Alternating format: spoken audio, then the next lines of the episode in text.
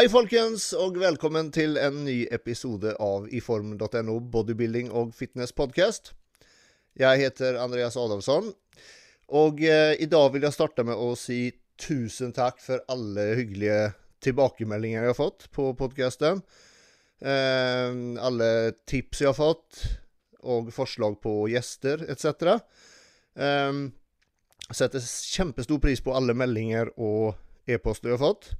Så fortsett eh, gjerne med det.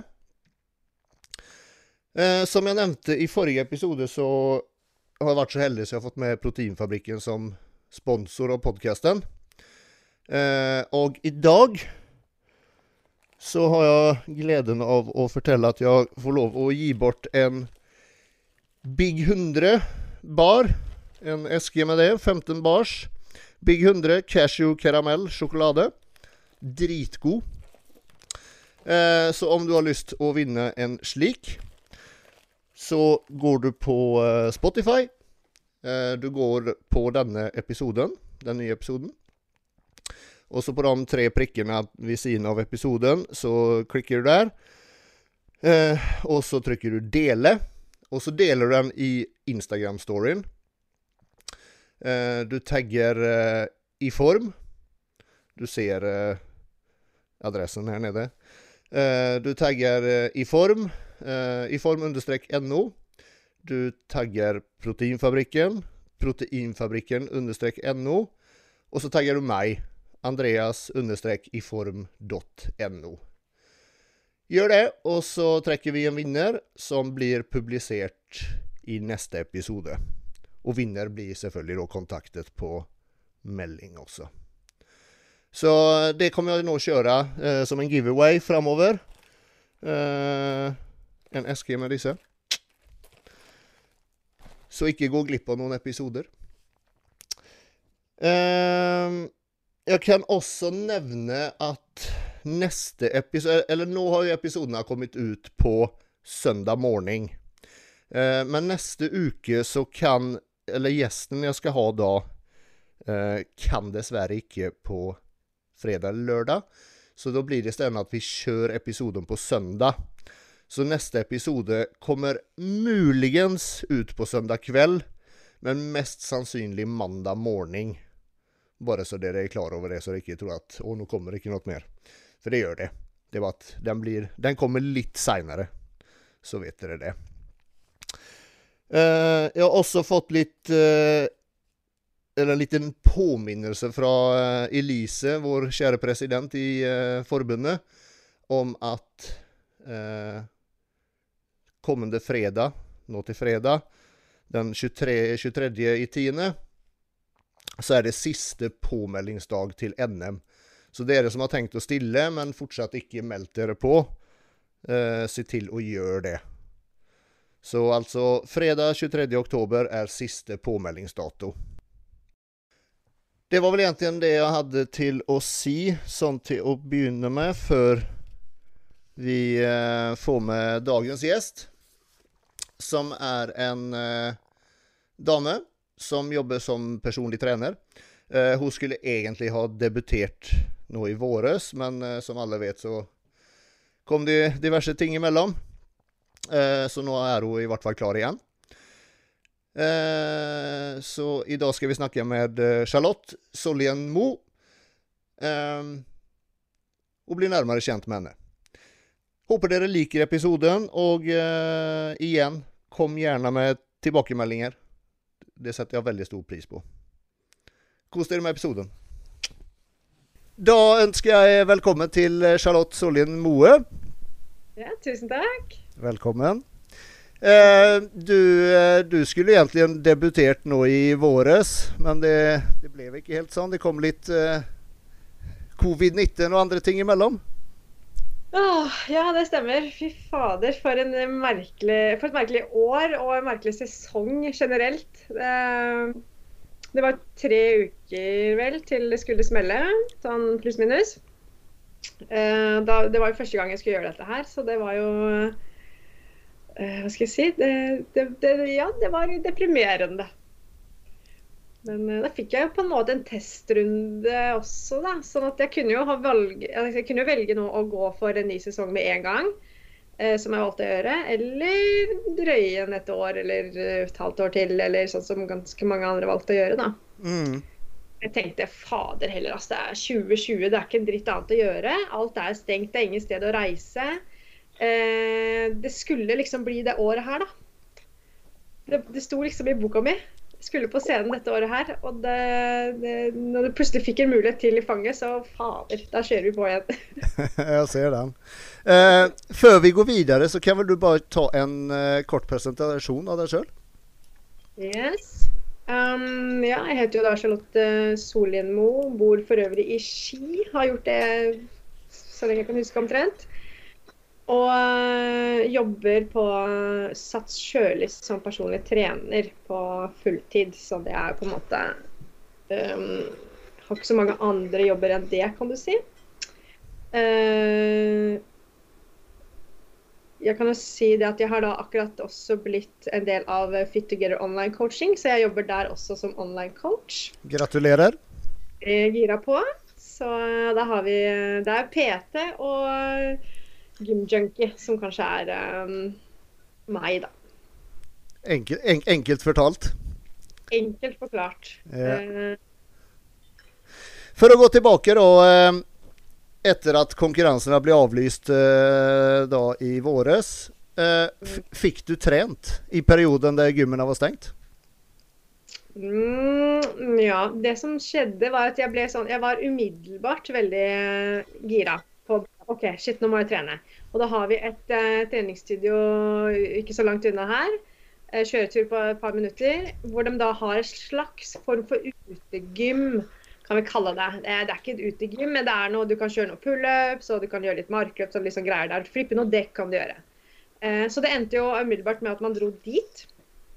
Og så, men så Det var litt sånn dårlig vær, og det var litt sånn annerledes å trene ute. og det var bare, nei, Så det endte egentlig opp med å kjøpe da et, et sånn uh, gymrack til å ha hjemme i stua. Jeg har en liten 52 eh, kvadrats leilighet. Så det som skjedde var at uh, spisebordet i stua, eller på, der hvor spisebordet står, inn på soverommet, uh, som det egentlig ikke var plass til, men det måtte bare stå der, for der skulle det være det treningsrom, da. Så da ble det treningsrom i stua. Jeg trodde jeg kom til å bli veldig motivert av å ha det der. Jeg ble egentlig overrasket over hvor umotiverende det var å trene hjemme. Står opp om morgenen, trakter kaffe som vanlig. Eh, fram med sjokolade, selvfølgelig. Kanskje noe sånn Kongen av Queens på TV. To, tre, fire, fem episoder på rad, kanskje. Hadde jo ikke noe å gjøre.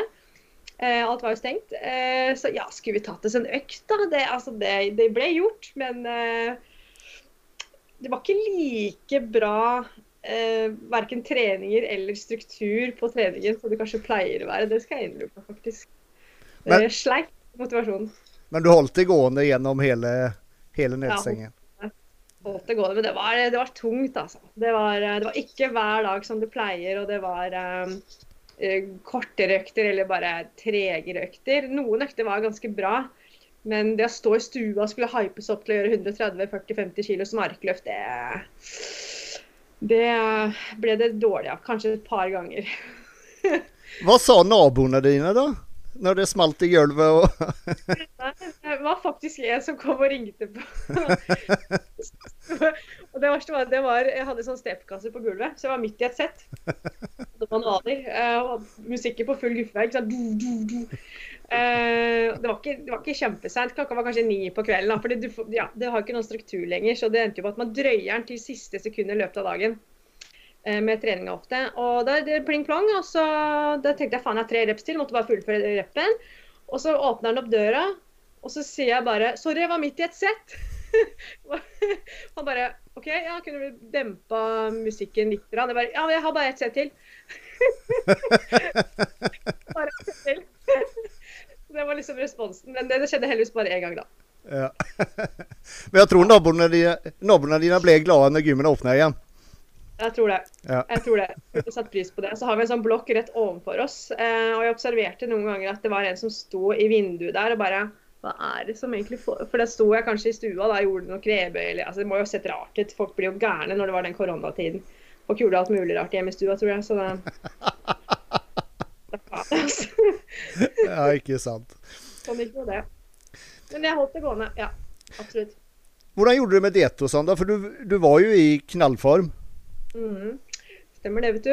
Eh, nei, det var eh, Skal være helt ærlig, da. Så de første dagene så var det bare å, å gå for seg det man kunne. Så liksom eh, Første tur på butikken så var det alt mulig rart. Da var det yoghurtnøtter og is og jeg vet da pokkeren hva det ikke var. Og det var greit, liksom, for da hadde man jo hatt eh, cravings en god stund. Og så tenkte jeg uh, Så hadde jeg et opplegg med coachen, så tenkte vi kanskje vi skal sette oss på reverse diet. Uh, det syntes han var et godt forslag, så sa jeg ja. Uh, hadde jeg tre dager uh, med diett igjen, og det bare kjente jeg at hell no. Jeg kan ikke ha så hard struktur akkurat nå, fordi det var bare en helt sånn merkelig situasjon å være i. Eh, så creds hvis noen klarte å gjennomføre en 100% reverse diet under koronapandemien. Det, det er creds. Um, så jeg, gjorde, jeg tok min egen approach. Jeg sa jeg prøver på egen hånd. Tracker inn litt vekt og litt sånne ting uh, underveis nå fram til vi vet noe mer om nye konkurranser, datoer å forholde oss til. Eh, så jeg tok det egentlig bare litt sånn Kall det intuitivt, da. Selv om det ikke er helt intuitivt når du er på det nivået. Kroppen er jo aldri mett, på en måte. I know. Men uh, jeg, jeg tok det litt som jeg ville, egentlig. Jeg gjorde det litt som jeg ville. Mm. Jeg må si det. Jeg spiste meg opp ganske bra. Gikk opp til eh, kall det normalvekt igjen, som jeg, har pleid å, som jeg har pleid å ligge på. Hvor mye, Eh, hvor mye over er det da? Eh, det var vel 10-12 kilo. Mm. Men det var ganske ubehagelig faktisk å gå opp uh, igjen. det var nesten verre å gå opp enn å gå ned litt sånn eh, på kroppen. Fordi den, den hadde det liksom litt vondt. For det gikk jo litt fort, kanskje, opp igjen. fordi det som også var litt av casen her, er at vanligvis så jobber jeg som PT og på gulvet eh, ganske mange timer hver eneste dag og trener hver dag, og det er ganske strukturert. Og jeg var jo inne i liksom en veldig god rutine på det tidspunktet. Så det å gå fra liksom veldig mye aktivitet til veldig liten aktivitet eh, liksom Én gåtur om dagen, én økt om dagen hvis jeg er flink, liksom. Det skjedde jo ikke hver dag engang. Det, det, det merka kroppen.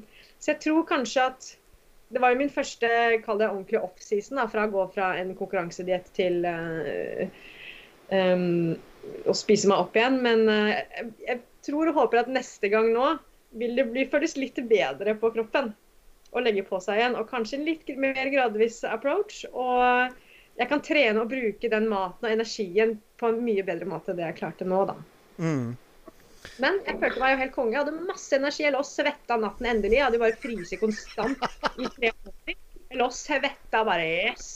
Og kjente at bare alt funka, og jeg hadde jo altfor mye energi på en måte. Så det, det Uh, og menstruasjonen min fant, uh, gikk vekk ganske tid, eller sånn halvveis i dietten sist. Og etter bare fire uker med spising, så var den back on track. Så det er bare yes, nå, nå er kroppen liksom føltes fort veldig bra igjen da, av å gjøre det sånn. Mm. Jeg har jo bare prøvd å gjøre det sånn, så jeg veit ikke. Mm.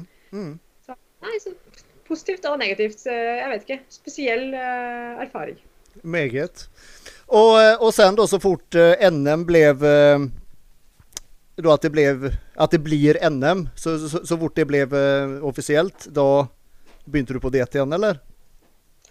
Ja, eh, nesten. Fordi eh, min kjære coach da sa eh, det, det ble Jeg husker ikke helt når vi fikk datoen på det, men det var vel ganske sånn slutten av mai Det var ganske tidlig, på en måte. Mm. Eh, bare OK, eh, ja ja. Og så jeg, for i mitt hode Altså, jeg begynte å telle litt ordentlig ordentlige kalorier igjen og veie opp og gå tur og gjøre ting.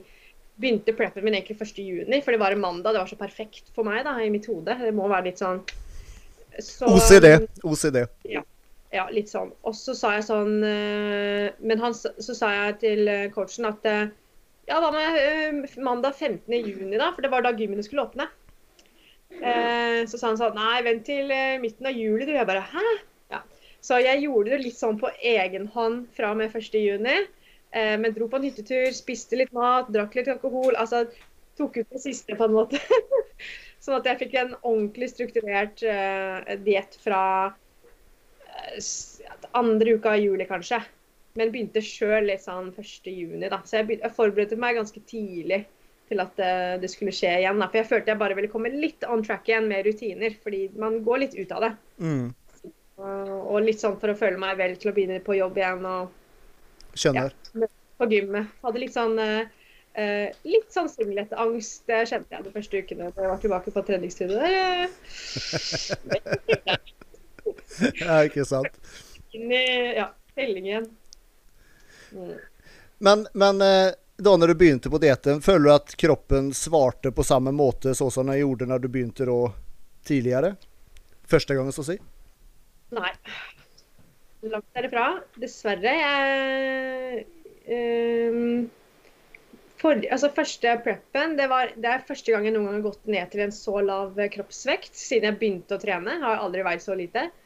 Og det gikk ganske greit. Ikke noe ekstra cardio i veldig stor grad. Jeg gikk liksom ti minutter på mølla når jeg, eh, før trening, kanskje ti minutter etter. Gikk en kveldstur hvis jeg hadde tid, men det var ikke noe eh, must, rett og slett. Og kaloriene lå ganske høyt hele veien. Eh, helt inn mot slutten. Mens nå så starta jeg der jeg gjorde det sist, men det slapp ikke, altså. Det, det var kroppen eh, ikke helt gira på å gå ned igjen eh, så fort. Nei. Det likte veldig godt der. Jeg, jeg vet ikke. Eh, så nei, det gikk ikke like fort ned. Det gjorde det ikke. Men kunne du ligge like høyt på kaloriene, eller har du vært nødt til å gå enda lavere? Ganske mye lavere, ja. Eh, sånn at eh, jeg, For det første, i, så lavt som jeg har vært nå og i de siste ukene, har, lå jeg ikke i det hele tatt på siste, sist gang. Og eh, snitter vel kanskje på ja, jeg vet ikke. Det, altså, jeg har ligget omtrent nesten 500 kalorier mindre om dagen enn det jeg gjorde sist gang. Og jeg gjør mer denne gangen. Ja. Eh, mer cardio, mer Ja, så eh, den, den har litt vanskelig for å gjøre dette her en gang til. Eh, om Jeg vet ikke hvorfor. Det er mest sannsynlig at, at den eh, forbrenningen din rakk ikke å komme seg helt fra forrige diett, ikke sant? Det det er på elleve uker fra det avslutta til jeg begynte på'n igjen med underskudd. mm. Nok. Nei, det er nok ikke det. Så- Ikke det. Så det er en mye tøffere diett nå, da. Ja. Mye tøffere nå. Det skjønner jeg. Jeg skal bare si ha det til kona mi. Kjør på. Hun skal, jeg dra bortover helgen. Ha det, baby. Jeg er gressenkling i helga. Jo. Ikke sant? Yay, fest! Nei da. Å faen. Så, du, så man kan si at du er litt småsliten nå, da? Eh, det kan man trygt si, ja. Det, det tar på. Uh, samtidig så Jeg vil jo at det skal være litt hardt, og det gikk det var, det var hardt sist, det var det. det. Det var tøft, liksom. Og jeg hadde noen kvelder hvor man griner, selvfølgelig. Man bare er så sliten at man Ikke sant. Men uh, samtidig så hadde jeg jo ikke så lavt inntak. Jeg hadde ikke Ikke sant. Så det var ikke så hardt som jeg trodde det skulle være. Eh, Så det at denne gangen her nå Og jeg fikk aldri fullført heller, så det var bare sånn OK, i mitt hode så bare skjedde aldri noe av det, på en måte. Eh, Selv om det ligger der som en erfaring. Sånn at det at det er såpass hardt nå, det føles jo selvfølgelig grusomt. Samtidig så tenker jeg at det vil bli en dobbel, om ikke ti ganger så stor mestring å komme på den jækla scenen en gang for alle, da. Eh, og vite at liksom, man har jobba seg gjennom to jækla prepper, liksom. Begynte i september i fjor. Og, og liksom, nå er det oktober i år, og det er, det er fortsatt ikke har jeg stått på scenen. Og det er bare konstant kjør. Eh, så jeg tror den dagen der, den eh, Den blir stor. Jeg- så Ti ganger så stor mestringsfølelse første gangen nå enn om jeg hadde faktisk gjort det i mars eller april. Ja. Mm. ja, jeg ser den. Jeg ser den. Mm. Um, treningsmessig og sånn, har du trent det samme under hele Ja, men, ja. Ehm, kan si det sånn. Jeg pleier å, å variere litt opp uh, treningsprogram og litt perioder periode med det. Eh, men så var det har vært litt spesielt nå som det har vært eh, denne koronaopplegget. fordi når gymmene åpna igjen, så er det sånn at du må vaske etter hvert eneste Eller hver ting du har vært på, tatt på. Alle vektskiver, alle stenger. Du kan ikke supersette. I hvert fall ikke hvis det ikke er på samme sted og du har kontroll på at ingen tar på utstyret ditt mens du holder på. Sånn at det har gjort det for min del litt kjipt og vanskelig å gjøre f.eks. bryst og rygg på samme treningsøkt. Eh, litt fordi jeg liker å supersette og få den gode pumpen imellom. Altså, ja. Hoppe fra hangups til eh, benkpress. Men Eh, det er selvfølgelig mulig å gjøre unntak, men det har blitt litt mer naturlig at jeg bare har eh, valgt å kjøre én muskelgruppe eh, hver dag. Da. Så jeg har kanskje gjort og hatt treningsprogrammet litt lenger enn jeg har pleid å gjøre det. Mm. Eh, så jeg har omtrent hatt samme trening nå fra det åpna i juni. Rett og slett pga. det med vasking og hva som er beleilig og ikke, da. Mm. Skjønner. Sett, styrer du treningen din alene, eller er det coachen som styrer det?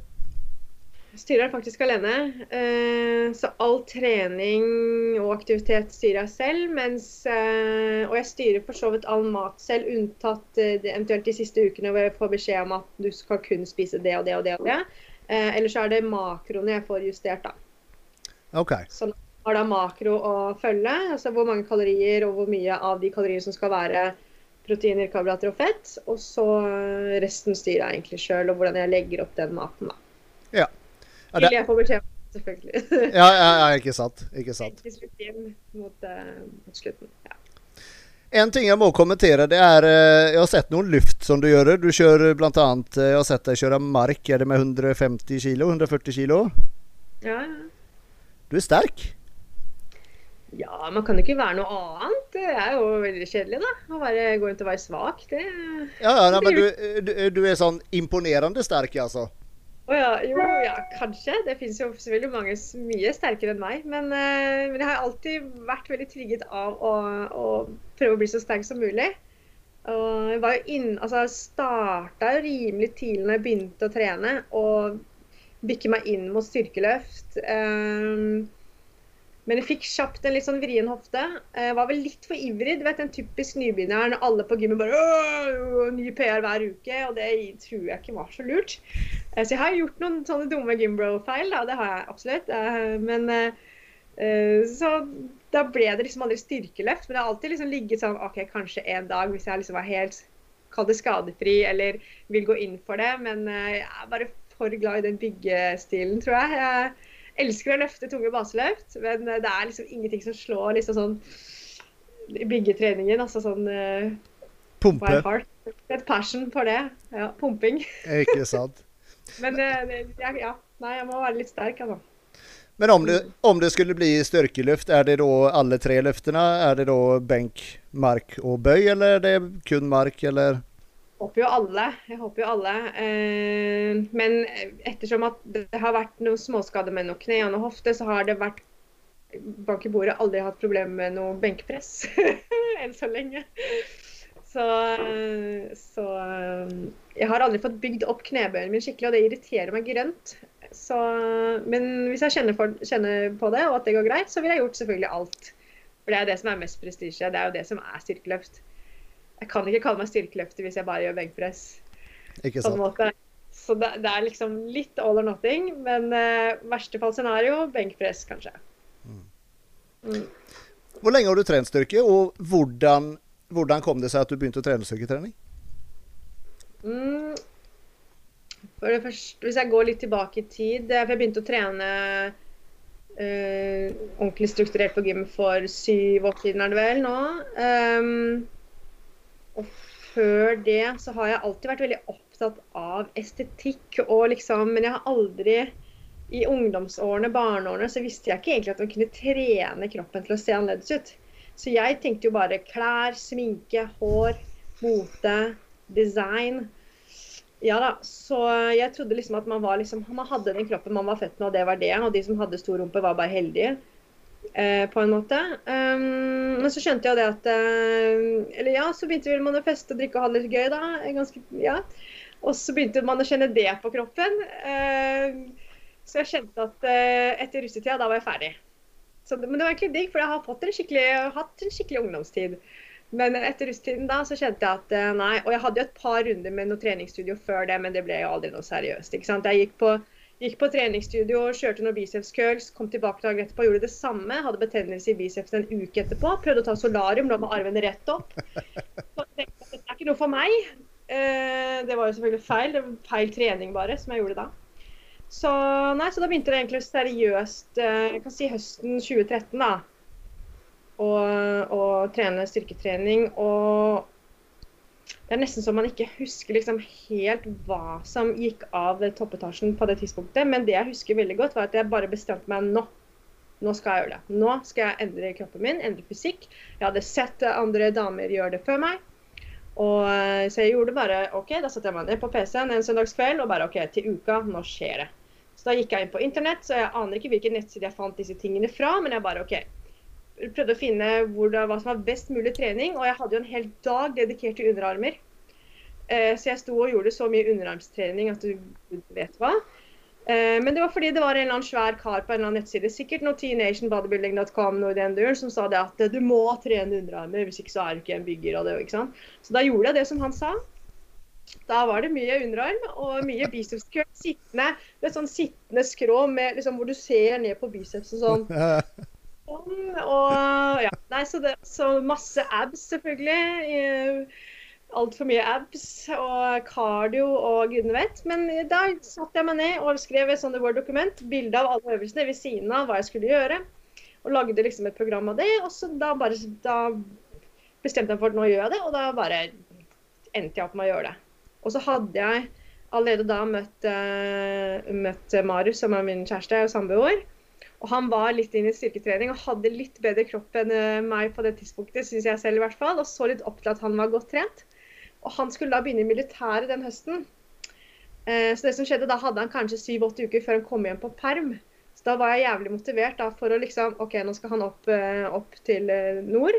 Og da har jeg åtte uker på å komme i form til han kommer ned igjen på perm. Så jeg var litt sånn OK, nå er det syv uker til han ser meg, liksom. OK, ok, hva kan jeg gjøre på den tiden? Mm. Så jeg husker jeg liksom sto og jogga på tredjemølla, og så så jeg for meg han, og bare herregud, nå er det fem uker til han skal komme. Jeg bare, ja. Så det begynte på et eller annet vis på den måten der. Da ble jeg på en måte motivert av å komme i form til noen, men også ja, vet ikke. For meg selv. Kom du i form, da? Ja. Hva sa du? Kom du i form, da? Ja, jeg fikk faktisk eh, ganske raskt resultater. For jeg var bare på sånn kjip sted uansett. Jeg hadde jo aldri trent noe særlig. Jeg har aldri vært noe utøver før. Aldri, jeg har ikke noen bakgrunn fra idrett annet enn dansing. Så, øh, og ikke noe sånn spesifikk dansing, mer hiphop og og ja, så ikke noe sånn freestyle hvor du gjør masse hopp rundt omkring. Så uh, jeg hadde en ganske kjedelig kroppsfasong til å begynne med. Så det var kanskje ikke så mye som skulle til. Jeg vet ikke. Jeg var litt sånn firkant. En tynn firkant. Uh, så bare å få ut litt her og litt der og litt der, så gjorde det susen, det, altså. Men si først, etter første året så skjedde det litt, og etter andre året skjedde det mye. Det kan jeg vel si. Første året var litt sånn, du vet, man prøver, feiler, mm. gjør mye arm. Bruker mye unødvendig tid på gymmet. Så jeg skulle selvfølgelig hatt en PT da. Eller en online coach som kunne fortalt meg akkurat hva jeg skulle gjøre. Så jeg hadde sluppet å bruke opp veldig mye tid på disse unødvendige treningsøktene, da. Men jeg kom meg i gang. Kost, kostholdet på den tiden, da? Var du, var du, like nøye med kostet som du var med trening? La du like mye i, i å finne riktig måte du skulle spise på, liksom? Det stemmer. Uh, jeg gjorde det, vet du. Og jeg husker jeg printa ut alle disse fjerde A4-arkene med helt sånn blanke med liksom uh, Monday abs sto det, og så bak der, ikke sant, bla, bla, bla. Og så var det kosthold, da. Jeg husker jo ikke helt hva det sto på dette, men jeg hadde jo da søkt om fitness, uh, diet Det var sikkert 1000 kalorier da, ikke sant. sånn og greier. det skjønte jeg fort at det ikke funka. Og jeg jobba på kafé også. Uh, og elska å lage min egen caffè latte, selvfølgelig. Sånn at uh, det ble vel ikke sånn blodseriøst på den kostholdsfronten. Og jeg hadde en sånn greie at eh, Som egentlig funka ganske bra, men jeg, selv om jeg hadde vært Følte meg litt ferdig med festing, så var jeg også Ingen av vennene mine var nødvendigvis det. sånn at det som skjedde var at hver lørdag så var det ute på byen. Så det jeg gjorde da, var at jeg jobba jo mandag til lørdag. Og så etter til eh, lørdag så var det siste treningsøkt den uka. Da var det å gå på tredemølla, kjøre cardio eller et eller annet sånn. Og så var det hjem, sove en times tid.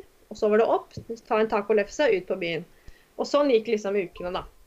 Eh, så det var sånn mm, ikke superstrukturert kosthold i og med at jeg dro ut på byen og drakk litt og spiste litt chips på fredagskvelden. Men ikke noe sånn at jeg Uh, jeg prøvde jo å følge en eller annen form for kostholdsplan, men gudene vet egentlig hva som skjedde med den.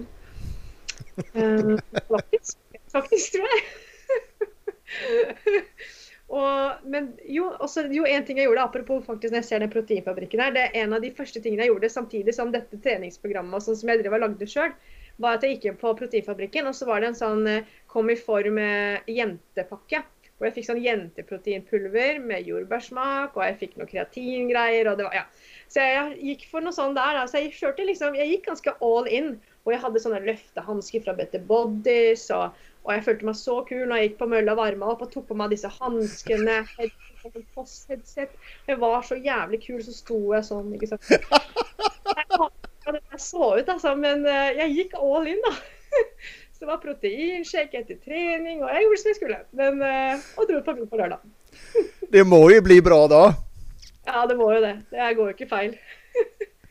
Men hvor lenge trente du sånn på egen hånd før du tok hjelp av noen, eller spurte noen om eh, litt tips og råd? og Nei, altså mm, Hvordan var det? det var, altså, jeg hadde først et år hvor jeg trente mye på egen hånd, egentlig. Men etter et, litt over et halvt år så bytta jeg treningsstudio.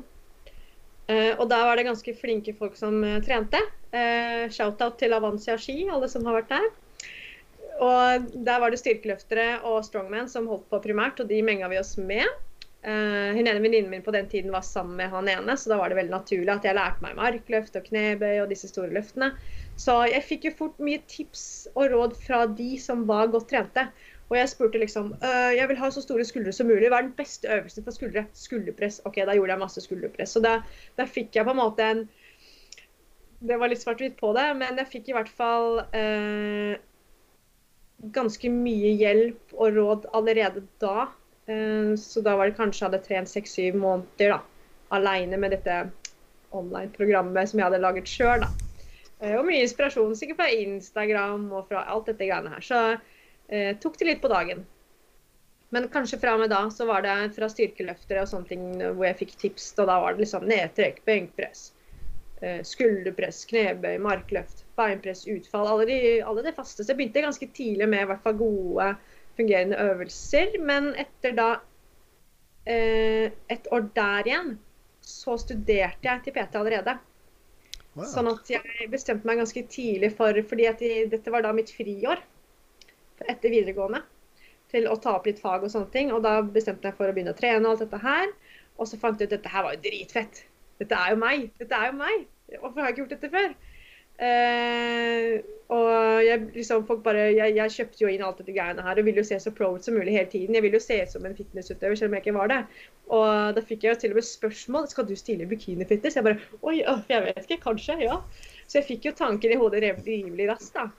Men øh, ja, etter kanskje da, hva blir det da? Halvannet år så valgte jeg å studere til PT allerede visste ikke at jeg skulle bli PT nødvendigvis, men eh, jeg ville bare Jeg var så dritlei alt det på nettet. Nei, du må spise det, nei, du må spise det, du må trene sånn, nei, sånn, nei, sånn, nei, sånn. Så jeg tenkte fader, nå skal jeg lære meg dette her 100% Og det var liksom da det Da jeg skjønte at, eh, hvordan alt hang sammen, og trening og alt dette her, så ja, halvannet år inn så begynte jeg iallfall å lære ting grundig. Eh, men jeg har alltid lagt opp treningen min sjøl slash sammen med min samboer. Fordi vi har jo nesten alltid trent samme program og liksom lagt opp dette sammen. Mm. Eh, fordi vi studerte sammen. Derfor. Ah. Så han, han òg. Ja da. Så uh, felles interesse der. Mm. Skjønner, skjønner. Og du sier lysten å konkurrere. Kom den allerede da? Ja. Ja, definitivt. Det, jeg hadde jo lyst til å konkurrere omtrent før jeg begynte å trene, men ut, bare sånn en vakker dag om ti år. Eh, for jeg skjønte jo at det, sånn som jeg så da, var lang, lang vei å gå. Eh, men jeg ble jo veldig motivert av hver minste ting som skjer. Jeg tror det er litt viktig òg, bare sånn kjapt inn på det. At man ikke um, bare skal se sluttresultatet, men nyte litt den, de små tingene som man alltid gjør som man får forbedring i. da. Eh, men veldig tidlig kom den lysten til å konkurrere, og spesielt jeg husker den ene kommentaren, og den glemmer jeg liksom aldri når jeg liksom hadde på meg den der jakka fra en eller annen sånn gymgrossisten-merke, eller hva det var for noe, som liksom var litt sånn Jeg prøvde å se ut som jeg drev, var blodseriøs, da. Jeg prøvde å se ut som jeg kunne det jeg gjorde. Eh, og da med en gang jeg fikk den kommentaren, ja, stiller du i bikinifitness? Da kjente jeg at ja, en dag, kanskje, om ti år. Men det var egentlig Women's Physique jeg drømte om. Det var det. Er det det som er sluttmålet? Jeg vet ikke nå lenger, nemlig. Um, det er fordi det er de jeg, damene jeg har sett opp til, som har drevet med Women's Fysikk. Det har liksom vært Anna Lynn Bailey og hele den regla der. Sånn at det ble automatisk de jeg så til når det gjaldt trening og inspirasjon og hvordan de så ut. Og jeg bare syns at jo, jo, mer muskler, jo kulere er det. Uten at det går all the way in som uh, Iris Kyle, liksom. Mm. Uh, helst, uh, helst dopingfri. Um, men jeg klarte ikke helt å skjønne hvordan jeg skulle klare å få til en sånn look naturlig. Uh, så jeg tenkte jeg får bare kjøre på, så får vi se hvor jeg lander igjen om ti år. og så får vi bare se hva kroppen min klarer. Men uh, nå som jeg da har peila meg inn på body fitness, uh, og fikk høre da fra han eh, coachen at det var det jeg skulle gjøre For jeg sa sånn Ja, jeg har en liten drøm om women's fysikk i utgangspunktet. Det her er jo bare et år siden. Hadde jo fortsatt litt den der fysikk i hodet, selv om Ja. Men han sa det er nok body fitness vi må gå for i første omgang. Eh, og etter liksom å få på de hælene og, og tenke, se for seg den sminken og den fine bikinien, så tenker jeg jeg syns de er litt finere. Jeg syns kanskje det er litt med meg, for jeg er egentlig ganske feminin av meg. Jeg elsker å pynte meg. Så selv om jeg liksom liker den der litt hardcore treningen og boff, boff og skrike litt og grynte på trening og løfte tungt, så liker jeg veldig godt det feminine over det også. Så jeg, om det blir Women's Fysikk en dag, det vet jeg ikke faktisk lenger. Start. Enn om jeg har vet, men ja. Starta med bodyfitness i hvert fall. og det Se, ser du på bodyfitnessutøvere, det finnes mange bra bodyfitness som er rimelig uh, jacky, altså. Helt rå ut. Det ser helt rå ut. Og det var en sammenligning nå fra tidlig våres hvor det var et show. Eh, det var et par forskjellige Jeg lurer på om det var MPC versus IFBB eller var noe greier. Men i hvert fall så Det var i hvert fall ikke noe forskjell omtrent på de som eh, stilte i Women's Fysikk og de som stilte i Body Fitness. Det var et ekstremt nivå, men det er bare sånn OK, så du det er nesten bare hælene som skiller dem nå. Altså. Det er helt vilt hvordan de damene ser ut på toppnivå. Så jeg tror det blir bra uansett. Ja. Og da kan du liksom få De skal jo ha så hard, muskuløs look som mulig på et vis, bare at du skal være også veldig feminin og, og vakker, da. Så ja, jeg tror nok den er litt mer Altså jeg synes det er, litt ekstra, det er rett og slett hardere å gå på de jækla hælene, altså. Eh, enn å bare stå der barbeint og flekse. Selv om fleksingen er litt kulere. Så jeg synes det er litt kult, det òg. At det er, litt, det er, litt, vanskelig å gå på de hælene på mange. Og det er litt prestisje. Du må trene ganske mye på de hælene for at det skal se bra ut. Også. Det, ja, det er hardt i seg selv. Hvor mye tid legger du i poseringstrening? Uh, det, når det er uh, en Jeg har jo ikke gjort så mye av det før jeg begynte å preppe for det første fra i fjor, men jeg har alltid liksom posert litt sånn sjøl i speilet. Uh, så det, falt, det var ikke sånn at jeg hadde veldig lang vei å gå. Eh, men det er klart det måtte jo endres liksom fra å stå her oppe til å faktisk få armene ned. Det var den faste. Det bygget ja.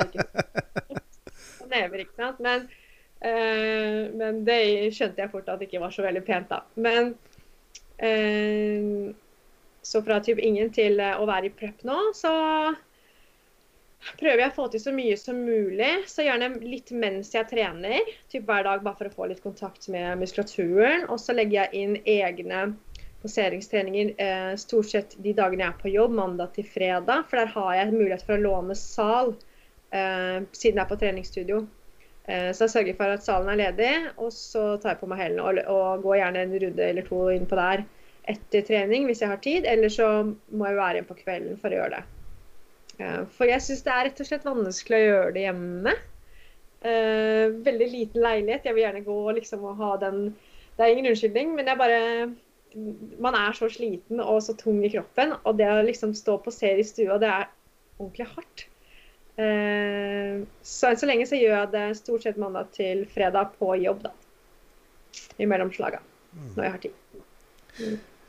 Du sier du ja, du begynte jo på prep da for ett år siden cirka, da. Litt over ett år siden. Eh, hva var det som fikk deg å, å, bestemme deg at nå skal jeg stille, eller nå har jeg lyst til å stille, nå føler jeg meg klar til å stille? Mm, det har vært litt flere faktorer eh, som har vært med på å velge Altså for jeg har jo fått spørsmål før osv. så videre, sånn, ja, skal du noen gang gjøre det og sånn. Og hvis jeg har liksom kommet inn på, på samtaleemnet, så er det sånn Åh, nei, det er i hvert fall fem år til. Jeg har vært livredd for å sette i gang. Eh, for jeg tenkte jeg kommer aldri til å få det til. Å herregud, og, hvordan skal jeg klare det, liksom? Jeg klarer ikke engang å skjedde meg ned til sommeren mer enn fem kilo. Hvordan skal jeg klare ti? Um, og har liksom ikke hatt helt trua på meg sjøl, for det første. Og har ikke helt visst hva jeg har hatt under skinnet. Uh, selv om jeg har trent og liksom følt meg bra, så har det ikke vært liksom Jeg har ikke følt at jeg har vært på et fitnessnivå enda. Uh, men så begynte jeg å føle at uh, kanskje er det kanskje på tide. Ser jeg så gæren ut? Jeg vet ikke. Og så har det vært økonomisk også, eh, som har valgt at jeg også venta en stund. Og av respekt for sporten at jeg valgte å vente ganske mange år før jeg valgte i det hele tatt prøve meg inn. Og det som skjedde, var at jeg da har jo fulgt med på fitness i Norge allikevel. Og så hatt litt problemer med å tenke sånn OK, den dagen jeg velger å, å, spørre en coach om hjelp, så vil jeg gjerne at den coachen skal være så ærlig som mulig. Og jeg vil ha et nei hvis jeg ikke passer inn i fitness, fordi jeg vil ikke stå og drite meg ut. Jeg vil ta det blodseriøst, og hvis ikke jeg passer inn, så passer jeg ikke inn. Og da må jeg eventuelt trene mer, eller bare legge den, eh, drømmen fra meg. Og så så jeg da at uh, Team Fit Together la ut på Instagram, vet du en eh, post her i sommer, så var det en eh, flott video av Remet som var helt rå på poseringstrening eh, i salen deres. Og så sto det uh, Er du vår nye fitness Er du vårt nye fitnesstalent? Spørsmålstegn. Send meg DM eller et eller annet sånt der. Og jeg bare Å, fy faen, kanskje det er meg? jeg bare følte at den, liksom, den snakka til meg. Så jeg bare Er jeg talent? Kanskje jeg er talent? Så jeg bare Hallo, ja, jeg vil gjerne få, få en sånn sjekk, da. Og så svarte jo Jesper tilbake med en gang. Og så sa han sånn Ja, bare kom på samling og sånn. Og da, da kom jeg, så møtte jeg opp da. Og da var faktisk du der. Da var du i prep, faktisk. Ja, ja, det, det, husker ikke jeg. Så fleksa med Jesper inne på, på Dram, i Drammens eh, Drammensveien der, holdt jeg på å si. Drammen. Union, og, Union scene. Det stemmer. Og da sto fleksa, så han sa det at vi skal samle klokka tolv eller sånn. Kom halv tolv, så kan vi prate litt og ta en formsjekk. Så kan vi se hvordan det ligger an. Uh, så kom jeg der, så står dere og flekser der og bla, bla, bla. Men da var du ferdig, uh, tror jeg, med din posering. Og så prata jeg litt med Jesper, litt om verdier, tanker. Og så fikk han se kroppen min, og så sa han Nei, du er klar, du. Og da var det bare å sette i gang, da. Så det var liksom at jeg måtte bare Først liksom Ja, bare det å vite at Team Fit Together og Jesper, som da er en såpass seriøs og flink coach, ga meg grønt lys. Da var det ikke noe tvil. på en måte. Men det var det jeg trengte, den ærligheten. For jeg sa det, jeg er ikke ute etter å bare stille for å stille. Jeg, jeg vil gjøre det bra, og jeg vil ta det seriøst. Jeg vil ha ordentlig oppfølging. Jeg vil ikke bare liksom bli satt på en scene fordi du skal tjene penger på meg. Det vil ikke jeg. Uh, dette er en stor investering, så hvis jeg er klar nå, så gjør jeg det. Hvis ikke, så venter jeg gjerne på en måte. For det er ikke noe rush for meg. Jeg må ikke gjøre det nå, men jeg vil gjerne vite hvor langt har jeg igjen, eventuelt til jeg er god nok til å stå på en scene. Mm. Men det var klarsignal med en gang, så jeg bare OK, OK, OK. Let's do this. Var det godt å få den tilbakemeldingen? Var du, var du liksom nervøs før du gikk dit? Liksom, hva skal han si? Og, mm. og jeg, jeg um, sa ikke noe til noen. Jeg sa ikke noe til samboeren min. Ingenting at jeg hadde vært i kontakt med, med Fit Together. Og så var ingen som visste at jeg engang tenkte på den drømmen. For det er bare noe som har surra i hodet mitt hver eneste dag de siste syv årene. Eller daværende seks årene. Eh, og folk har visst at jeg liksom har interessert meg for sporten og bla, bla. Ikke måte på. Men, men eh, akkurat den dagen der var viktig for meg at det bare var meg da, og min drøm som skulle snakke sammen. Eh, så var ikke før etter jeg hadde vært der at jeg tok i telefonen bare Hei, eh, bare så du vet det, så er jeg på vei hjem fra Drammen, og jeg skal stille i bodyfitness. Ha det bra! yes. Sett deg et halvt år. Så nei, det var uh, veldig deilig å få den bekreftelsen, absolutt. Og vite at det endelig kan liksom sette i gang uh, arbeidet, da. Ja, det forstår jeg. Men ble, ble motivasjonen enda større da? Da etterpå? Ja, absolutt. Jeg ville jo bare sette i gang med en gang. Så jeg gjorde på en måte litt det. var det bare å Jeg husker ikke hva jeg gjorde engang, men uh, det var vel en søndag. Så det var jo bare å være gira på treningen på mandag i hvert fall. Det var ikke noe tvil om. Men det var bodyfitness da fra første begynnelse? Det var ikke Bikini var, var aldri tanken engang? Nei. Nei, helst ikke det. For, sånn for min egen del, jeg følte meg ikke helt som en bikinijente. Jeg vet ikke helt hvorfor. Jeg hadde ikke så mye innsikt i, i bikiniverden, men uh, bare det jeg kunne se, og hvordan de så ut på scenen, så ville ikke jeg Jeg ville ha en enda hardere look. Uh, og jeg skjønte og fikk jo prate en del med Jesper også den dagen, og litt om forventninger til body fitness versus bikini fitness. Um, og hvordan fysikken min så ut, og både fra den genetiske siden og hvordan jeg har trent den opp. Og han sa det at jeg f.eks. passet ikke inn i wellness enn så lenge, fordi de har gjerne også større underdeler enn overdeler. Uh, mens jeg hadde en ganske god symmetri allerede, så han sa det at det er jo definitivt best for min del. da. Um, og da får jeg også den looken jeg ønsker å se på min kropp også til syvende og sist. Den litt ekstra harde, full av blodårer, typ, holdt jeg på å si, den skarpe looken, da. Um, det, er det, det, er det, du, det, er det, det er det du liker, det er crispy looken med masse blodårer. Steinhard. steinhard. Ja, det er kult. Ikke sant. Det er veldig, veldig kult. Uh. Uh, og nå Hvor lenge er det igjen til NM nå? Er det seks uker eller noe sånt? Wow, bare fem uker. Fem uker? Ja. Så det går fort. er du nervøs? Det har føltes som en evighet, da. Uh, men uh, samtidig så er det fem uker. Men jeg, jeg, klarer liksom ikke å skjønne at det skal skje. Og så var det sånn Det var så utrolig uvirkelig første prep. Um, I og med at dette var helt nytt for meg og, og var litt sånn der oh, og bare skjønte ikke at det skulle gå i det hele tatt. Og så plutselig begynte jeg å se at jeg kom i form. Og bare herregud, nå skjer det. Faen, nå er det tre uker igjen. Og så skjedde det ikke. Så bare smack in the face. Og, så jeg har fortsatt litt den derre Ja, det kan jo hende det blir ikke sant? Eller jeg vet, jeg vet ikke hva jeg skal forklare det, men det er, sånn, det er fortsatt så uvirkelig for meg, da. At jeg tror ikke helt jeg kommer til å innse det jeg, før jeg er der, egentlig. Jeg, jeg vet ikke. Jeg klarer liksom ikke helt å tenke at det skal skje. Jeg skal jo sørge for at det skal skje, men jeg klarer ikke helt å tro på at det skal skje. Det er bare en sånn merkelig følelse. men ja, fem uker. Mm. Men er du redd at det skal bli avlyst igjen pga. Av korona? Absolutt. Det hadde jo vært jeg, jeg, jeg, tror jo ikke det skjer. Og er jo gang på gang. Men det jeg sa Vi fikk jo beskjed tre uker ut sist. Skjønner du hva jeg mener? At kan, det er alltid en mulighet, men det skal nok fryktelig mye til på fem uker nå. Eh, fordi de testa den lockdown, og det hjalp egentlig ikke så mye i lengden, kanskje. Jeg vet ikke, ting er som det er nå. Så det ser ut som man har grei kontroll, så jeg tror nok ikke det er noe problem. Og vi har allerede hatt vår første samling med munnbind, så jeg er forberedt på alt mulig. Eh, at vi kanskje til og med må stå på scenen med munnbind. Sannsynligvis ikke heller, men jeg tror ikke det skal mye til for at de gjør det her igjen, stakkars. Eh, både for forbundet og atletene. Det hadde vært forbanna kjipt. Ja, ja, fy fader. Eget online-stevne uansett. Altså, må vi finne på et eller annet. For det kan ikke bare ikke komme ut med den Nei. Nei. nei så nei, jeg vet ikke. Jeg tror, jeg, det er nok ikke det at jeg ikke tror at det blir, blir noe av sånn stevnemessig, men det er vel mer eh, Ja. Jeg har aldri gjort det før, og det er fortsatt veldig uvirkelig. Så ja. Jeg må nesten ta det som det kommer. Bare gjøre jobben. Men har du satt deg noen mål, eller sånn, sånn plasseringsmessig? Hva er du fornøyd med? Hva, hva, ja, hva er målet, rett og slett? Det har egentlig endra seg litt, kanskje, hvis jeg skal fordi det var litt sånn Første sesong så var det fikk veldig mye positiv tilbakemelding og sånne ting. Og folk bare 'Å, faen, dette vinner du, og dette fikser du, faen, det vinner og vinner'. Og da tror jeg til og med jeg hadde blitt lei meg og skuffa hvis ikke jeg vant, på en måte. Jeg var så forberedt på å vinne. Selv om det kanskje høres cocky ut, men jeg bare jeg var så, Det var så sykt målretta mot den der streken når jeg skulle vinne, liksom. Uh, selv om det er også dumt i og med at det var første konkurranse. Jeg aner jo ikke om jeg klarer det engang. Men det, det må, var liksom litt det mindsettet som måtte til for min del. Uh, å ha troen på at jeg kunne vinne kanskje dette her. da.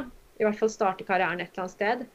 Mens nå er det litt sånn Selvfølgelig vil jeg vinne. Eh, og jeg må jo bare ha finale. Jeg øver jo på iWalk, liksom. Jeg må jo bare få den jækla finalen. Samtidig så er året som det er, og ting har vært som det har vært. Og nå er jeg bare fornøyd bare jeg får den tannen på. Altså. Skjønner du? Bare du får kommet deg på scenen, liksom? Så bare få det overstått. Det høres jo forferdelig ut, men, men uh, bare liksom Bare få satt i gang denne, denne ballen, da få kommet på den scenen en gang for alle og bare begynt karrieren. liksom. Jeg skal ikke stoppe her, det skal jo holde på 10-15 år til, så lenge kroppen duger. Men bare få begynt et sted nå. Og, og, det er jo litt ålreit å komme på Si du får en andreplass, da, så er det sånn OK, next time. ikke sant? At, at man har litt å, litt å jobbe for. Så jeg er på en måte fornøyd uansett plassering, men jeg blir alltid litt skuffa hvis man ikke jeg, jeg blir bli rimelig skuffa hvis ikke jeg får en finale på en måte. Men eh, jeg vet ikke. Jeg tror det bare blir en litt annen um, følelse denne gangen. Å bare stå der i det hele tatt, kanskje. Mm. Eh, Det er takknemlig bare jeg kan stå der, på en måte. Litt den. Jeg ser den. Jeg ser den. Ja. Men, men så da i våres, n- når det ble avlyst da tre uker før, Mm.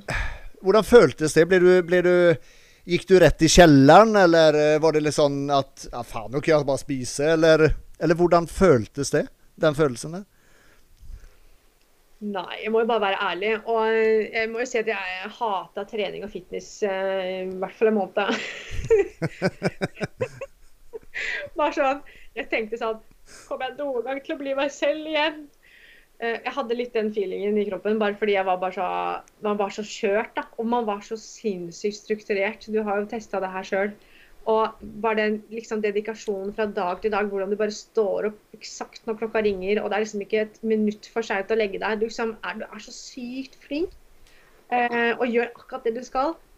Til å bare ha full fleks så ingen ser deg.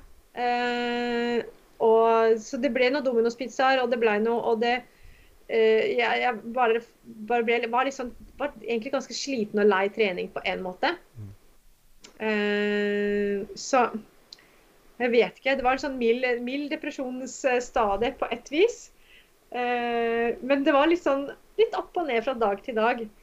Eh, veldig spesiell tid. Veldig spesiell tid. Jeg er glad det er over. Ja, ja, ja fy fader. Traumatisk. Ja, ja, ikke sant? Så eh, det er godt at det er over. Og jeg kjente bare etter et par Altså, jeg første økten tilbake på treningsstudio. Å, herregud, og jeg løfta markløft og hip chest og bare Dette er jo meg. Ja. Så var ikke noe tvil, da. Men jeg var i tvil. liksom, Kommer jeg noen gang til å like fitness igjen? Og trening? Kan jeg gå tilbake som PT og være stolt av meg selv nå? Uh, jeg var helt jeg, jeg skjønte ikke helt Hjernen min bare var alle mulige steder. Og uh, jeg var jeg var, gikk fra å være dritstolt av meg selv, tre uker til jeg skulle stå på en scene, til å, være, til å ha singletangst når jeg kom tilbake på treningsstudio. For jeg tenkte bare Herregud, det er så Beklager ordet feit. Uh, og, det var jo bare tull, selvfølgelig. Men ja. I know. Jeg vet åssen det er. Og det var liksom, Men jeg kjente jo at nei da, det er trening. Det er, det er det det skal bli. Vi kjører på, ja da. Det var ikke noe tvil. Men uh, akkurat i begynnelsen, ja. Det var mye tanker. Mm. Litt sånn love-hate. Mm. Formen din nå i forhold til eh, fem uker fra konkurranse i våres, hvordan er den? Er den bedre? Samme? Eh, jeg vil faktisk si litt bedre, eh, slik jeg ser den. Eh, den ser litt mer muskuløs ut, faktisk. Det er mulig at jeg hadde noen fordeler med å bare kjøre på med spising og trene og holde det gående. Og ha ganske et par gode måneder på gymmet med uh, før det ble ekstremt underskudd. Um, uh, vet ikke om man kan ha, være veldig adaptiv til trening når man har vært på et sånt lavt nivå men, uh, i kroppen. Men i og for seg syns jeg ser bedre ut. Eh, men vekten har vanskelig altså Den har stagnert mye mer og lenger denne gangen. Det er ikke sånn at den går gradvis hele tiden ned. Så Det går jo også på huet løst. da, så du bare sånn, jeg kommer aldri i mål. Og så er det sånn, oi, så trener jeg, så ser jeg tre nye veins bare. Men sånn, OK, da. Så formen er, er nok bedre. Jeg vil nok si at den er bedre. Eh, men vekten ja, halv kilo mer kanskje enn fem, kilo, fem uker ut før sist. Så jeg tror ikke det er noe Jeg tror jeg er ganske likt i rute. Mm. Kanskje litt utgangspunktet sånn kroppslig, fysisk. Mm. Alle, alle, alle som konkurrerer sverger jo til den rebound-fasen som du får rett etter en konkurranse. Det er jo aldri noen gang man gainer så bra som du faktisk gjør da. Ja, det har jeg hørt, det. Så det er ikke helt umulig at du har lagt på deg eh, en god del muskler der, ikke sant? Jeg veit ikke. Kanskje. Så, så kanskje den halvkiloen du veier mer nå, er rett og slett at du la på deg litt ekstra muskler der. Akkurat det. Og det som også var litt kjipt forrige gang, var at i begynnelsen av februar så smalt det litt i hofta mi når jeg gjorde en knebøy, som gjorde at jeg ikke kunne trene noe særlig quads eh, fram til konkurransen. Så det gjorde at også låret hang litt igjen. Jeg følte ikke jeg fikk måte, den ordentlige looken uansett. Tre uker ut syns jeg ikke det var bra nok. Så låra mine ser bedre ut nå fem uker ut enn tre uker ut sist. Eh, siden jeg får trent i mer eller noe sånt. Eh, Veit ikke, men det må være noe i den duren der. Eh, så et par sånne endringer som jeg ser på som positivt at det ble nå ikke i vår, da. Mm. Og nå, nå kommende fem ukene, kommer du kjøre på enda hardere for å skrape deg enda mer, eller kommer du bare holde det gående nå, eh, slik den formen du er nå?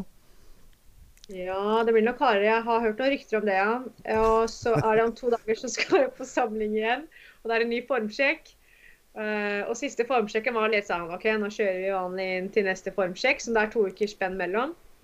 Uh, og så fra og med neste gang, da, eller sånn når det er fire uker igjen, eller altså et eller annet. Så han må jo se an litt, uh, formen til folk. Men det blir nok enda litt hardere for en periode. For så kanskje mulig å spise opp seg mot konkurransedagen istedenfor. Fordi målet er å da ikke måtte gå ned tre kilo siste uka. Sant? Det, det, er, det, det, funker ikke. Sånn at Målet er å bare bli ferdig med de siste kiloene med fett nå. Fort som mulig, egentlig. Så ja, sikkert, sikkert fra og med nå sånn to-tre uker bare drithardt. Og så kanskje man kan da pike formen opp til der man ønsker den, da. Mm. Så, ja, det blir nok litt hardere. Mm, mm. Hvor, hvor, sliten er du på en skala 1 til 10 nå? mm, det varierer faktisk litt dag for dag, det òg. Men eh, 1 til 10 Uff. 8-9. Ja. Jeg er eh, sliten, altså. Men eh, da får jeg bare høre Da er du i rute. Det, det var akkurat det jeg skulle til å si. Jo, jo, dårligere du føler deg, og hvor mer sliten du er, jo, jo bedre er du som regel. Ja, det er akkurat det. Det er det jeg får høre. Det er ikke noe trøst. og sen et annet veldig godt tegn det er at man har noen dager som bare Nei, fy faen, jeg bare driter i hele greia. Jeg bare gir faen i allting. Ja. ja. Du har det. ja. Og det bare, bare helt Altså, det verste kanskje er jo bare når du begynner å få en viss fettprosent det, det er, De fleste har nok merka det, vil jeg tro. Det skjedde sist gang òg. Fryser som en gærning. Og jeg fryser og jeg fryser og har lag på lag med ullundertøy, og jeg har vanter på. Jeg går rundt med PT-uniform. Eh, vi har ikke lov til å ha på oss noe annet enn PT-uniform, men under den PT-uniform skal jeg love deg det skjuler mange lag. Og det er svarte vanter på meg, så jeg ser ut som at jeg skal ut og rane en bank. Jeg mangler jo bare finlandshetta. Eh, ser jo helt gæren ut. Leggvarmere langt oppe til låra og ullsokker. Og i går det var eh, Jeg skulle ha en treningsøkt. Hadde gleda meg. Sto opp og var gira. Å, fy faen, i dag gleder jeg meg til å trene. Og så kommer tidspunktet hvor jeg skal trene, og jeg får helt knekken. For jeg fryser og fryser og fryser. Og jeg tar på meg ullklær og legger meg under teppet og prøver å få varmen. Ingenting skjer. Uh, så jeg endte faktisk opp på å legge meg i en solariumsseng uten uh, uten vifta for å bare få krummen. Og det hjalp, da. Fy faen. Men det bare Hva er siste løsning nå, før jeg, før jeg går hjem og griner. Jeg grein kanskje litt også før det. Hva er siste løsning nå? Jo, det blir solarium. Og det har ikke tatt på sikkert to år. Så det blir sånn der eh, tiltak. Ja. Treningen blir tiltak når du fryser i hjel. Du føler deg jo sjuk, ikke sant. Mm. Det er sånn, Har jeg korona, kanskje? Det må være det. Nei. Det høres ut som du er i god, veldig god rute. Jeg tror det. det er det jeg skjønner. Og sånn ut ifra bildet jeg har sett Du legger ikke ut så veldig mye formbilde, men ut fra det jeg har sett, så ser, veld, så ser det veldig bra ut, altså. Ja. Vi må spare litt. Ikke sant. Og det var også derfor jeg ville ha deg med, for jeg tror du kan gjøre det jævlig bra, altså. Rett og slett. Ja, vi får håpe det. Jeg skal gjøre mitt beste, i hvert fall. Eh, jeg har mange altså det, enormt mye støtte fra både kollegaer, familie, samboer ikke minst. og det. Så jeg har liksom ingen unnskyldning til å ikke gjøre det bra. Så det, det, står i så fall på min egen innsats, og den, den skal det i hvert fall ikke stå på. Så jeg, jeg gleder meg enormt. Altså. Mm. Mm. Jeg tror det kommer til å gå kjempebra. Helt klart. Eh, vi har nesten vært på en time nå, eh, så jeg tenker at eh, vi sier oss litt fornøyde med det. Sånn avslutningsvis, er det noe du har lyst til å si? Ja, det var et godt spørsmål, da. Alt og ingenting, si. Eh, men det er litt sånn eh, Litt sånn erfaringsmessig at det er egentlig ikke noe vits i å vente hvis du har en drøm, på en måte. Litt sånn Jeg venta veldig lenge. Det var nok bra, det. Alt i sin tid.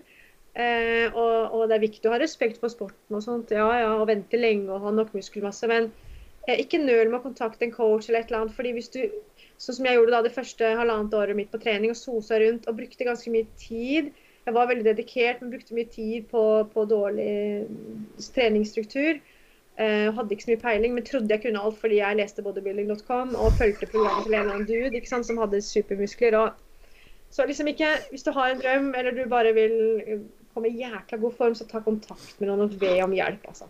Virkelig. For det, det er litt gøy å være ha, ha sosa litt rundt, men uh, du går glipp av mye, mye, kunnskap, tror jeg. Så og ikke tenk at du ikke er god nok, eller noe sånt, eller at noen, noen får det til fordi de er spesielle, eller whatever. fordi det er ikke noe sånn at noen Nei, du, du, får det til hvis du vil, tenker jeg. Så, det, så ikke nøl med å ta kontakt hvis du har en drøm om å stille fitness eller et eller annet. Det, jeg snakker ikke om å kontakte meg, jeg snakker hvem som helst. Bare ja, hør hvordan formen er, og så kan du få en ærlig tilbakemelding på når eventuelt du kan fullføre drømmen. For jeg tror vi trenger flere i sporten, og vi trenger mer tilskudd i sporten, og vi trenger at sporten er eh, så bra som overhodet mulig. Så jo flere som blir med, jo kulere er det. Uh, ja. Kjør på. Veldig bra sagt. Veldig bra sagt. Jeg gleder meg til å møte alle atletene. Jeg har ikke peiling nesten på hvem som kommer til å stille mot meg i år. Jeg har ingen snøring. Jeg prøver å få, Det er et par på Instagram jeg veit. Eh, så jeg aner jo ikke konkurransen i år. Ingenting. Så jeg skjønner det alle bare fokuserer på seg sjøl. Men uh, jeg gleder meg til å se hvem som er med i år, rett og slett. det blir veldig kult. Ikke sant. Mm. Om det er noen som vil eh, komme i kontakt med deg, eller noen som vil følge deg på Instagram etc., hvor finner man deg da? Eh, nei, på Instagram så heter jeg MOE Charlotte, som Mor Charlotte. Eh, og der har jeg også link til eh, både å kontakte meg Der kan du egentlig bare kontakte meg i personlig melding der på DM hvis det skulle være noe coachingtjenester eller noe sånt. Jeg jobber som online coach da i Fit Together og som personlig trener på Satt kjølys. Så hvis du er i nærheten, pling på. Eller uh, send meg bare en DM der. Så det er på en måte den plattformen jeg bruker primært da, til å kontakte mennesker. Mm. Så legger jeg ut litt sånn i ny og ne. Jeg skal prøve å bli litt flinkere på litt sånn Poste litt jevnligere. Uh, men jeg har liksom alltid hatt den uh, jeg tenker sånn Å, nå skal jeg, jeg kjøpt meg sånn der, uh, stativ til mobilen, skal filme treninger og sånn. Og så er det sånn Å, faen, jeg bruker jo Spotify. Og hvis jeg skal filme, så går, hører jeg ikke på Spotify. Sånn at hver gang jeg trener, så må jeg ta valget. Skal jeg filme at jeg trener, eller skal jeg høre på sangen og trene? Og jeg velger jo alltid å høre på sang og trene. Så det blir veldig dårlig med treningsfootage. Men jeg skal prøve å bli litt flinkere på det, da. Men uh, det er bare sånn, det er så deilig å trene og høre på musikk. Og det, det, det, det filmet da er liksom jeg tar i morgen. Ja. Så jeg kan være litt slack der. Men uh, det kommer nok litt mer content hvert. Det høres bra ut. Ja. Tusen takk for i dag, Charlotte. Mm, takk for at jeg fikk være med. Og uh, et stort lykke til nå til NM. Jeg, jeg, som sagt, jeg tror du kommer gjøre jævlig bra ifra deg, altså. Å, det er spent, altså. Trenger noe tegn på den hvite huden her. Det hjelper på, har jeg hørt. ja, ikke sant. Nei, jeg gleder meg. Takk for i dag. Takk for i dag.